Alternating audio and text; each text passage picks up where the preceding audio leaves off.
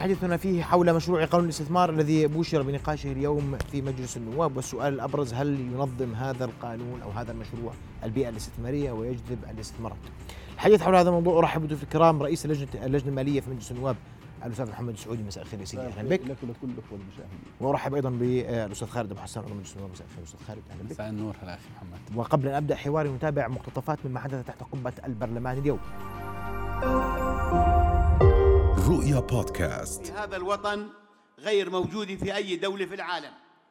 ولكن الذي يطبق القوانين غير كفاءة عندما يجلس على الكرسي تبعه. نشرع قوانين الاستثمار في مناطق تنموية. ولا أردني لحد الآن استثمر وأصبح فاسد. بعض الفاسدين هم من جاءوا واستثمروا في هذا الوطن.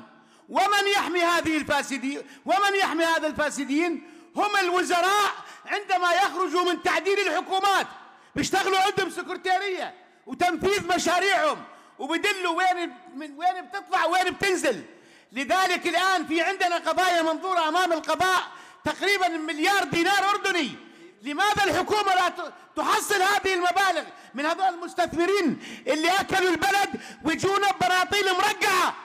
وين المسؤولين؟ وين وين الحكومة؟ بيجي مثل معالي وزير الم... وزير مالية سابق بس طلع راح است- استثمر وين؟ مع فاسد. بيجي وزير مالية وزير صناعة وتجارة بنقول له في موعد بدنا منك موعد للمستثمر. بقول لي والله ماني فاضي. طيب هذا مستثمر قال ما بدوش يرحل. هل هذه هل هذا هو الاستثمار في هذا الوطن؟ 30 سنة وإحنا وإحنا نشرع. لقيت سفير. سفير إحدى الدول العربية. بقول له سعادة السفير كيف الاستثمار بالأردن قال والله زين. بس أنتم علمتونا الاستثمار تبي نعلمكم الحين؟ إحنا جاهزين.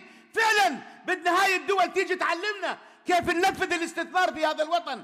وشوفوا بلادهم الحمد لله. نتمنى لهم التوفيق. بدنا ناس امينين يقعدوا على الكرسي من أجل الاستثمار. مش من أجل المصالح. المناطق الأقل حظا مناطق نائية يجب أن نعطيه إعفاءات وضرائب حتى يشجع المنطقة ويحيي المناطق الأراضي المواد في بلدي. هذه نقطة مهمة. لم أشعر أن هناك كل خدمة امتيازات وإعفاءات لكل الشركات الأجنبية لماذا يترأس رئيس الوزراء مجلس الاستثمار؟ طب رئيس الوزراء هو فاضي يترأس؟ أنا بعرف مجلس التنظيم الأعلى. رئيس الوزراء يترأس من عام 1966 ولم يحضر رئيس الوزراء أي اجتماع لمجلس التنظيم الأعلى. يعني هذا ال- القانون في غاية ال- الأهمية والجميع المستثمرين والشباب حتى العاطلين عن العمل ينتظروا انفراجة على المستوى الاقتصادي في بلدنا. دولة أبو هاني تحدث في بدايات عمر ال- المجلس عن ثورة في المجال الاستثماري وما زلنا ننتظر بوادر هذه ال- ال- الثورة خاصة وأن البطالة أصبحت يعني أمر مؤرق صار له عشرات السنين لكن الآن الوضع لا يحتمل حقيقة. أكثر من 50% من الشباب ما بيشتغلوا وال50 اللي بيشتغلوا يا دوب يعني مكفين آه، أمورهم. ال- ال- البلد على صفيح ساخن بسبب موضوع البطالة وعدم توفر فرص عمل والجميع بيشكي. يعني ال- الوزراء بيشكوا لما نقعد معهم والنواب بيشكوا لما الناس يقعدوا معهم والناس مع بعض بيشكوا بكل ال- القطاعات. مين اللي بده يحل هذه ال- المشاكل؟ هذا هو السؤال. هذه اذا كانت بعض آراء النواب اليوم تحت قبة البرلمان. أستاذ محمد أسمع رأيك في هذا القانون وفي هذا المشروع. بكل صراحة أنا اليوم بدنا مشروع حقيقي. بدناش لا عد وراق ولا ما نعم. يحزنون بدنا مشروع سريع واضح في نقاط واضحة سريعة. تقول هي الاستثمار هيك بيمشي. آه، بسم الله الرحمن الرحيم. الواقع اليوم أتانا قانون الاستثمار وتم تحويله لجنة الاستثمار في مجلس النواب. من القراءة الأولية لهذا القانون يعني لا يتناسب مع الرؤية الاقتصادية التي تطالب بأن يكون هناك آه، مليون وظيفة في العشر سنوات القادمة. ليش بنستثمر؟ مشان نشغل أبناء الوطن ونحارب الفقر والبطالة. آه، من رؤيتنا لهذا القانون أنه هذا لا يحاكي هذه الرؤية. يعني أنت قاعد بتحكي عن أربعة مليار آه، دينار استثمارات جديدة آه، سنوية للعشر سنوات القادمة حتى تتمكن من تشغيل المليون أردني اللي إحنا قاعدين نحكي عنهم. للأسف هذا القانون بدراسته الأولية لا يرقى إلى هذا الطموح. يعني الرؤية الملكية أنه إحنا الآن في عندنا مشكلة في الاقتصاد والاستثمار وصار في كثير من الهرج والمرج وصار في لجنة ملكية وللأسف صدر هذا القانون يعني بطريقة آه، لا تعالج ما يريده الوطن. إحنا عارفين خصوصية المحافظات. في عندنا بطالة في المحافظات الجنوبية وفي الشمال وحتى في الوسط. معظم المستثمرين كلهم بدهم عمان والزرقاء وإربد. طب ما دام عندك الأرقام وحتى إنه في هذا العام حتى هذه اللحظة الإحصائية حوالي 600 مليون استثمارات ذهبت معظمها لعمان والزرقاء وإربد. وليس داخل المناطق الصناعية أو التنموية. يعني شيء حقيقة دليل على أن المستثمر لا يبحث عن حوافز هو يبحث عن آه، عمالة يبحث عن تسهيل وصول المواد له فبالواقع يعني القانون في جهة وما يريده جلالة الملك وما يريده الوطن بجهة أخرى. طيب. إحنا القانون الآن بين يدينا إحنا النواب وسنحاول بكل ما أوتينا من لا ما تقوليش رح نحاول نراجع لك. ما فيش فيها تحاول هي بالأخير تصويت. يا سيدي ماشي. إحنا أنا بدي بنحاول أنا- قد ما بنقدر إن شاء الله ماشي. نجود هذا القانون. اسمح لي. هلا راح أرجع لك عشان تجويد القانون. إن شاء الله تعالى. وأسمع رأيك أستاذ خالد اول يا سيدي تختلف مع ما تحدث به يعني. إحنا اليوم آه، خلينا نعرف إحنا شو اللي بحاجته. إحنا اليوم حقيقة إحنا بحاجة لقانون محفز للاستثمار. إحنا بظل تحديات آه، عالمية بظل تحديات إقليمية ومنافسة إقليمية لدول حوالينا. يعني نهضت باقتصاداتها آه، فقط بالاستثمار. هلا اليوم حتى دولة الرئيس علق وحكى إنه في دول أيضا من الإقليم فشلت بالاستثمار أو اتخذت أو نهج إلها بالاستثمار وفشلت. أيضا في دول أخذت نهج بالاستثمار ونجحت. إحنا اليوم بنقيس حالنا بالدول الناجحة. نحن في الأردن آه عندنا مقومات النجاح كبيرة والبيئة اللي إحنا موجودين فيها كبيئة آه جغرافية أو كمنطقة جغرافية من الناحية الجغرافية ومن الناحية السياسية ومن الناحية الإقليمية الأردن دولة مستقرة امنيا الأردن في منطقة جغرافية فعليا بتربط لك الدول ببعض يجب أن نستغل آه، موقعنا. وهاي بجوز كانت آه، واضحة وجلية بالتوجيهات الملكية ومن خلال ال يعني ال- الرؤى- الرؤية الملكية للاستثمار وتحسين بيئة الاستثمار اللي حددت ثمان محركات للاقتصاد وحددت 35 قطاع و366 مبادرة. إذا اليوم الكرة في ملعب الحكومة وفي ملعب مجلس النواب. نحن اليوم بحاجة لتحفيز ال- الاقتصاد بشكل كبير. من أين نبدأ؟ وخلينا إحنا نقيم المشاكل اللي عندنا المشاكل ال- السابقة. اليوم هل القوانين السابقة كان في فعلا فيها مشكلة مشان نغير إحنا القانون الحالي؟ أنا بعتقد إنه إحنا عندنا مشكلة أيضا بتنفيذ القوانين الموجودة والبيروقراطية الموجودة بالمؤسسات ال- اللي بتنفذ القانون وكثرة اللجان الموجودة بالاستثمار بال- بالهيئات ال- ال- خلينا اللي لجان في بتشرع القانون. الاست- أو- والمشروع فيه لجان. ما خليني أنا جايك بالحكي. بكثرة اللجان الموجودة بهيئة الاستثمار أو بوزارة الاستثمار أو بالجهات المعنية أو المؤسسات المعنية بالاستثمار. هنا آه، في عندنا خلل. وإحنا شفنا بالقانون إنه جاينا كمان تشكيل لجان. أيضا اليوم في عندك إحنا لما نقول حوافز اليوم توجيه الحوافز يجب أن يكون موجه للمناطق اللي فعلا إحنا بحاجة لتنميه فيها. طب إحنا اليوم بحاجة لخارطه استثمارية. نعرف شو هي الاستثمارات اللي بدنا إياها. خلينا إحنا نعرف شو بدنا بنعرف؟ ما هو المفروض إنه نعرف المفروض إنه يكون في عندك أنت من خلال الدراسات اليوم- ومن أنا خلال سؤال أنا بسال أنا. بقول لك عندنا بنعرف خارطة استثمارية؟ اليوم لا يوجد عندنا خارطة أنا بدي استثماريه أقول لك شغلة ثانية اليوم في البعض بيسألوا أنا بساله خالد أنت مستثمر؟ نعم. وأنت مستثمر صح يا أستاذ نعم صحيح. إحنا يعني ما هو أنتم أولاد البلد صح؟ سيدي إحنا أنا اليوم باجي مع لو واحد اجى من برا الأردن وقال لك أنا مستثمر يا خالد أبو حسان مع حفظ الألقاب. ومعي مليار وين أشغلهم في الأردن؟ عندك خارطة تقول له هون بزبط اليوم بزبط اليوم بزبط. يجب تح... ما هو هذا اللي بنحكي فيه اليوم يجب تحديد آه كل محافظة. اليوم إحنا بحاجة لت... اولا إحنا بحاجة لتوجيه الم... ال- التحفيز للمحافظات مش للمستثمرين. اليوم أنا بحفز ال- المحافظات وبعطيها الحوافز وبعطيها الميزات مشان المستثمرين يتوجهوا على المحافظات. اليوم حسب كل محافظة عندنا بنعطيها الميزة. اليوم في عندك محافظات فيها ثروات طبيعية. إحنا بنوجه الاستثمار بالثروات الطبيعية. في عندنا محافظات فيها سياحة بنوجه الاستثمار بالسياحة. مش معقول اليوم عندنا آه، منطقة مثل محافظة إربد فيها ألف موقع أثري. طب ما فيهاش فندق واحد موجود بمحافظة إربد. غرفة فندقية مصنفة على المستوى العالمي ما فيها. اذا اليوم إحنا بحاجة فعليا نعرف إحنا شو اللي بدنا إياه نحفز الاستثمار من خلال توجيه الحوافز والميزات للمحافظات. لأنه اليوم عندنا ليش المحافظات؟ لأنه نسبة البطالة الموجودة عندنا بالمحافظات نسب عالية جدا.